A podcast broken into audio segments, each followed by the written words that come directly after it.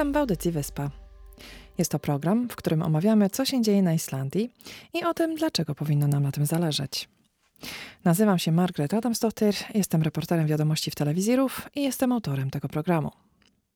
Łukasz Smardzewski jest dziennikarzem telewizji Polsat News. Pracę w Polsacie rozpoczął w roku 2021, początkowo jako wydawca, a w programie informacyjnym Wydarzenia 24 w styczniu dwa lata temu. Wcześniej pracował w Radiu Olsztyn jako serwisant i redaktor, a potem przez 10 lat w telewizji TVN. Łukasz Smardzewski jest również członkiem zarządu Stowarzyszenia Miłośników konkursu piosenki Eurowizji OGAE Polska.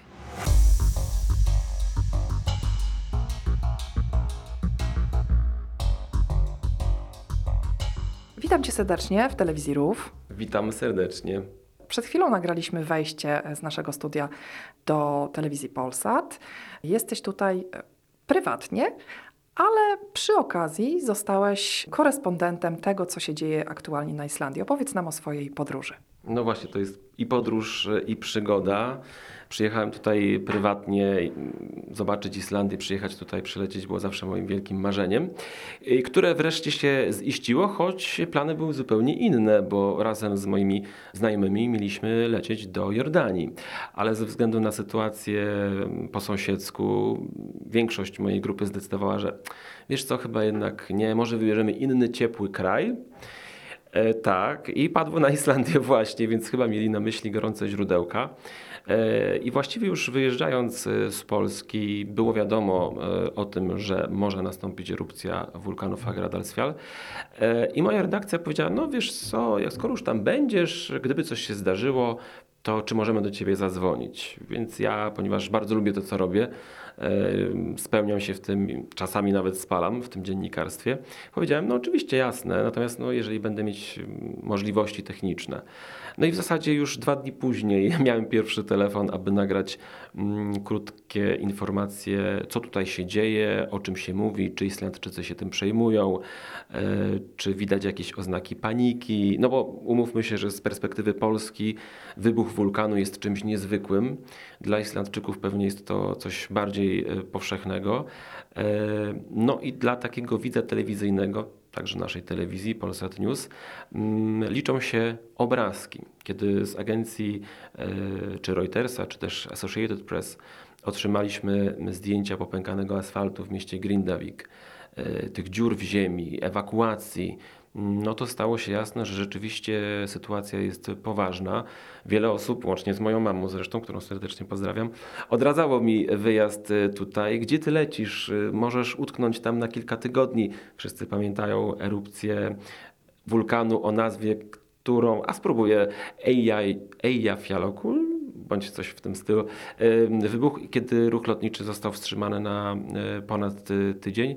Natomiast y, no, gdzieś tam podskórnie czułem, że nawet jeżeli to się wydarzy, no to po pierwsze sobie poradzę, a po drugie no będę w centrum wydarzeń, którymi interesować się będzie cały świat. świat. No i tak to się zdarzyło, że mój urlop w zasadzie jest takim urlopem na 50%, bo średnio co, co dwa dni y, nagrywam krótkie wejścia dla, dla kanału Polsat News, czy też programu Dzień na Świecie, który właśnie zajmuje się sprawami międzynarodowymi.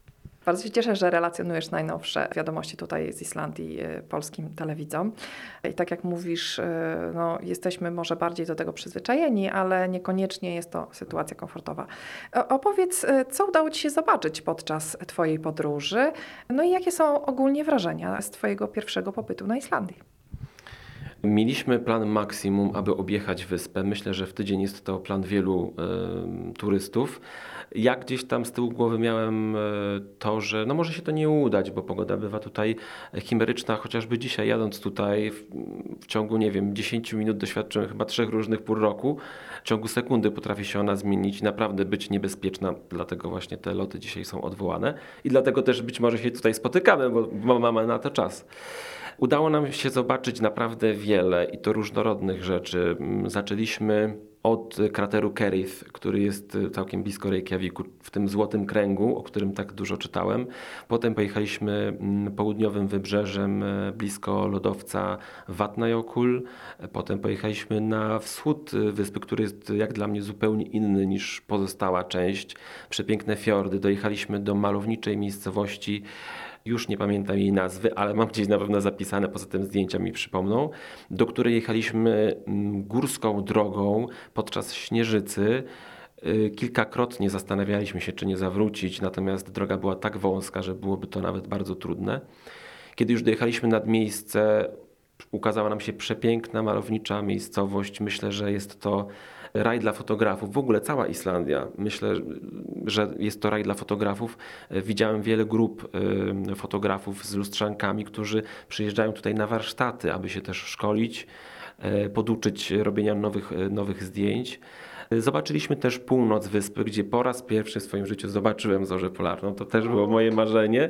Nie było to proste, bo niebo może nie było mm, do końca czyste, a zorza nie była tak silna ale nawet sprawdzając na tych różnych aplikacjach szanse na zorze i była chyba dwójka, więc tak, mm, no, no może, się nie, może się uda, może się nie uda, ale wyjrzeliśmy, mm, a dodam, że naprawdę piliśmy tylko napoje bezalkoholowe i rzeczywiście tą zorzę y, udało nam się zobaczyć. Dla mnie to było ogromne przeżycie.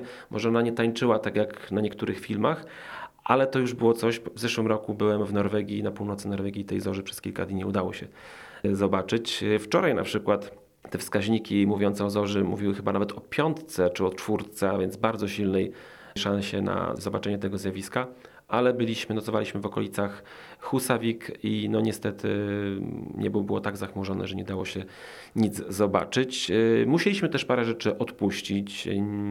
Nie weszliśmy mm, na lodowiec ani pod lodowiec. Są też takie wycieczki. Y, ale moje motto jest takie, że zawsze każda decyzja, decyzja, którą się podejmuje, jest decyzją właściwą, bo dzięki temu mogliśmy zobaczyć gorące źródełka, mieć więcej czasu na inne miejsce, Koniec końców e, uważam, że ta podróż była fantastyczna. E, mamy tony zdjęć, e, będzie mnóstwo wspomnień, a przede wszystkim gdybym miał podsumować tę podróż jednym słowem, to przygoda, bo rzeczywiście przeżyliśmy nawet załamanie pogody wczoraj, próbując dotrzeć do gorącej, do źródła gorącej rzeczki tutaj niedaleko Reykjaviku i naprawdę ja w różnych warunkach chodzę po górach, ale te były ekstremalne i w zasadzie wczoraj tak padało, że byliśmy y, szczęśliwi, kiedy dotarliśmy do hotelu, mogliśmy się wysuszyć. Całą przygodę, całą podróż uważam za fantastyczną i świetnie, że się tak to wszystko ułożyło, że mogłem tu przyjechać. A jeżeli poprosiłabym Cię o wybranie jednego miejsca, które zrobiło e, na Tobie największe wrażenie, które wybrałbyś? Hmm, to bardzo trudne, no bo właśnie takich miejsc jest y, mnóstwo.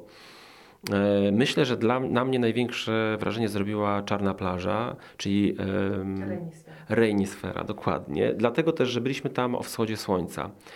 Ten wschód słońca, pierwsze promienie w połączeniu z piękną pogodą i budzącym się dniem było sporo ludzi, ale było to takie przeżycie nawet z gatunku metafizycznych. Y, wiem, że kręcono tam sceny do filmu Harry Potter, więc też oglądałem miejsce, które już z pewnego źródła znałem, można byłoby powiedzieć, i mogłem je jakby odebrać e, na swój własny sposób. Lodowiec też był wielkim przeżyciem. Być może gdybyśmy poszli na niego bądź e, bliżej, e, byłoby to jeszcze bardziej spektakularne. No i na pewno Zorza i cała północ, czyli Akureyri i tamte okolice, ponieważ mieliśmy przepiękną, słoneczną pogodę, było mroźno, śnieg skrzypiał, skrzypiał pod nogami, piękne różowe niebo, Także Husawik, który przecież też znam z e, filmu Netflixowego, e, mimo że jest to mała rybacka wioska, Zrobiło to na mnie ogromne wrażenie. E, jest bardzo czysto, to też zauważamy na każdym kroku.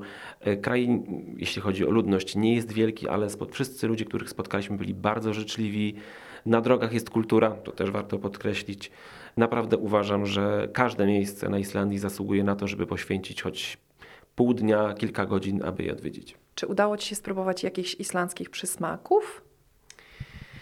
Hmm, muszę przyznać, że nie zdobyliśmy się na odwagę, aby spróbować hakarla, chociaż był taki plan. Ale kiedy doczytaliśmy, mm, jak wygląda proces produkcji tego rarytasu, to jednak odpuściliśmy. Dzisiaj mamy w planach skosztowanie suszonych ryb, które są dostępne w zasadzie w każdym sklepie.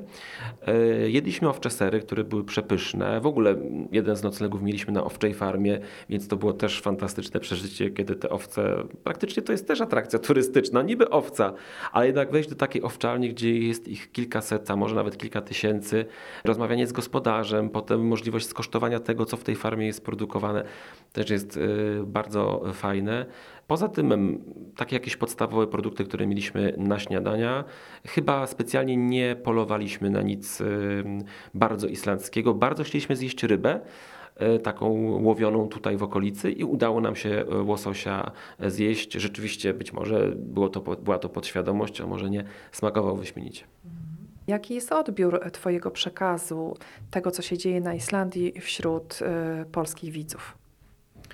Wydaje mi się, że mm, Polacy oglądający informacje na temat Islandii teraz, czyli dotyczących y, wulkanu, mają wrażenie, że sytuacja jest poważniejsza niż wydaje się, będąc tu na miejscu. Dlaczego o tym mówię?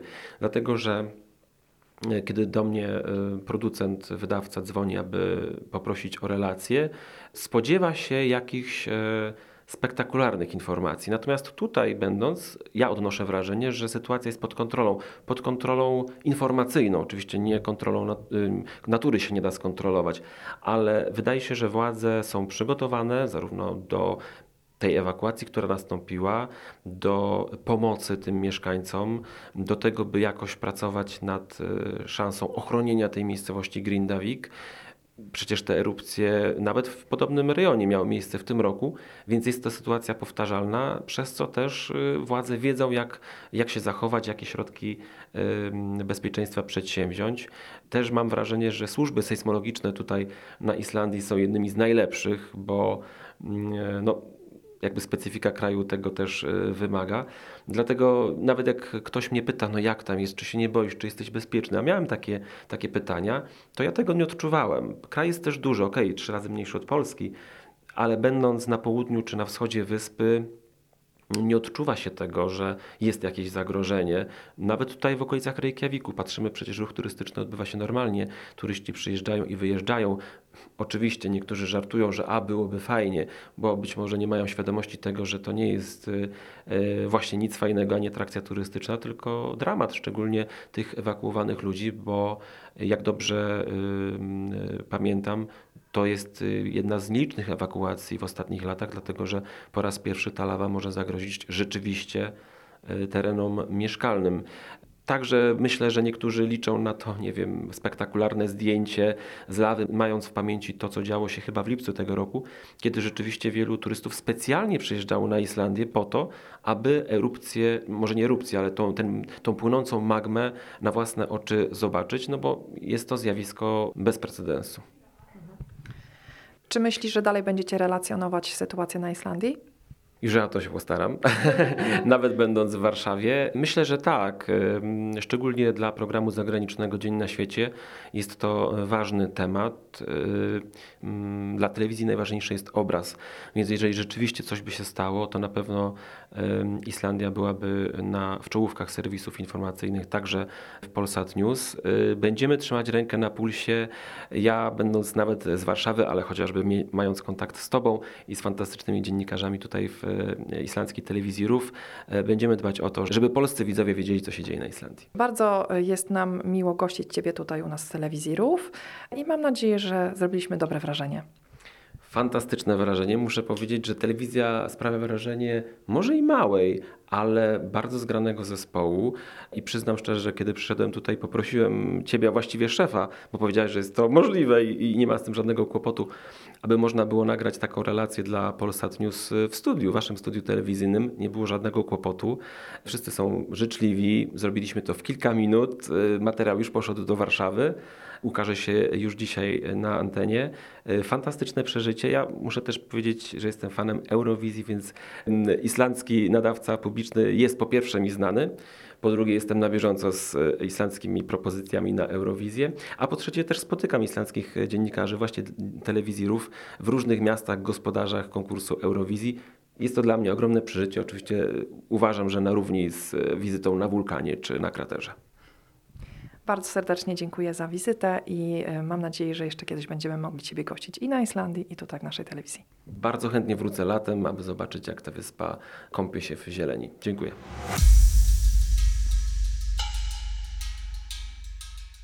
Święta Bożego Narodzenia zbliżają się dużymi krokami.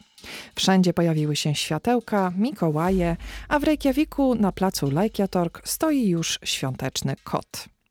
Na koniec audycji mam ochotę zagrać piosenkę, która jest dla wielu osób zwiastunem tego właśnie okresu. Co roku wyczekuję, kiedy po raz pierwszy usłyszę ją w radiu. Posłuchajmy Last Christmas w wykonaniu Wham. Na stronie www.ruf.is ukośnik polski można znaleźć bloga na żywo, w którym są najświeższe informacje na temat sytuacji sejsmicznej na Półwyspie Reykjanes, a także inne wiadomości z Islandii. Serdecznie dziękuję za uwagę i zapraszam na kolejny odcinek Wyspy już w piątek.